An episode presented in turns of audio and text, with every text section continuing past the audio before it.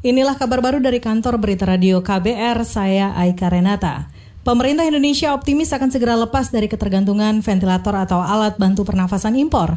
Ketua Gugus Tugas Percepatan Penanganan COVID-19 Doni Monardo mengatakan, pemerintah telah siap memproduksi peralatan medis untuk penanganan virus corona seperti ventilator, tes kit, dan rapid test atau tes cepat. Dari BPPT, perguruan tinggi dan swasta, dan ventilator tersebut apabila telah memenuhi standar akan diterbitkan izin edar dari Kementerian Kesehatan bahwa Bio Farma dan BPPT telah merampungkan program tes kit PCR. Kemudian juga yang ketiga tentang rapid test lokal yang segera akan diproduksi sehingga kita tidak tergantung lagi dari impor. Namun Ketua Gugus Tugas Percepatan Penanganan COVID-19 Doni Monardo mengatakan Indonesia masih akan mengimpor bahan kimia regen untuk pemeriksaan sampel pasien COVID-19.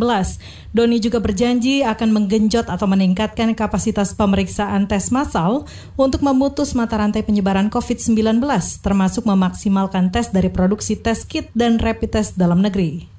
Sementara itu, Saudara, Kementerian Sosial memperkirakan pembagian sembako bagi warga di Jakarta untuk tahap pertama akan selesai pekan depan. Selanjutnya akan dilanjutkan dengan pembagian tahap kedua.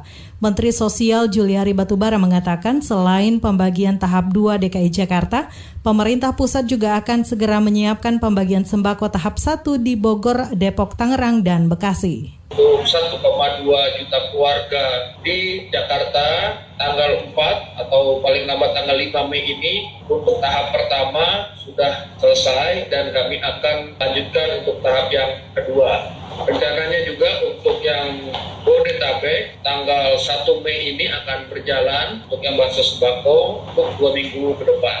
Jadi penyalurannya kami bagi dua kali sebulan. Mengenai perbedaan data penerima bantuan sosial antara pusat dan daerah, Mensos Juliari Batubara memperbolehkan pemerintah daerah menggunakan data sendiri.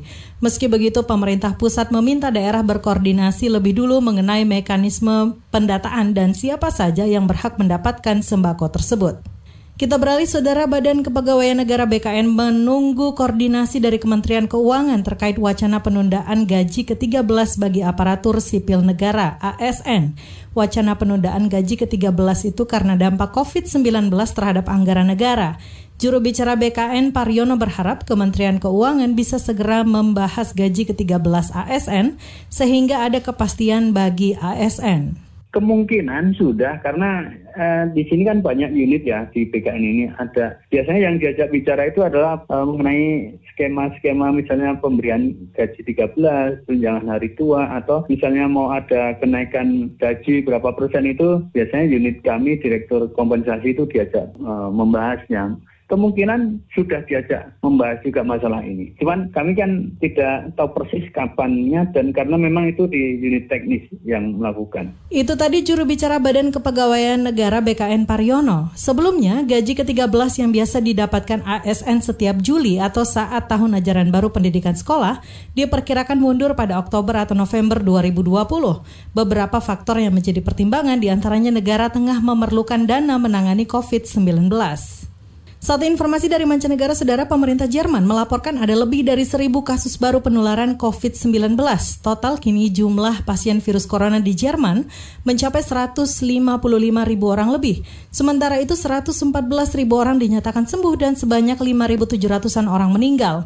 Kanselir Jerman Angela Merkel menyebut pemerintah akan melonggarkan pembatasan wilayah secara bertahap setelah mempertimbangkan berbagai masukan termasuk dari kalangan ahli kesehatan. Merkel menyebut keputusan karantina karantina wilayah akibat corona merupakan keputusan tersulit selama periode kepemimpinannya. Saat ini saudara Jerman termasuk negara di Eropa yang sistem kesehatannya terkelola dengan baik dan tidak kewalahan menangani dan merawat pasien corona yang jumlahnya membengkak. Demikian kabar baru dari kantor Berita Radio KBR, saya Aika Renata.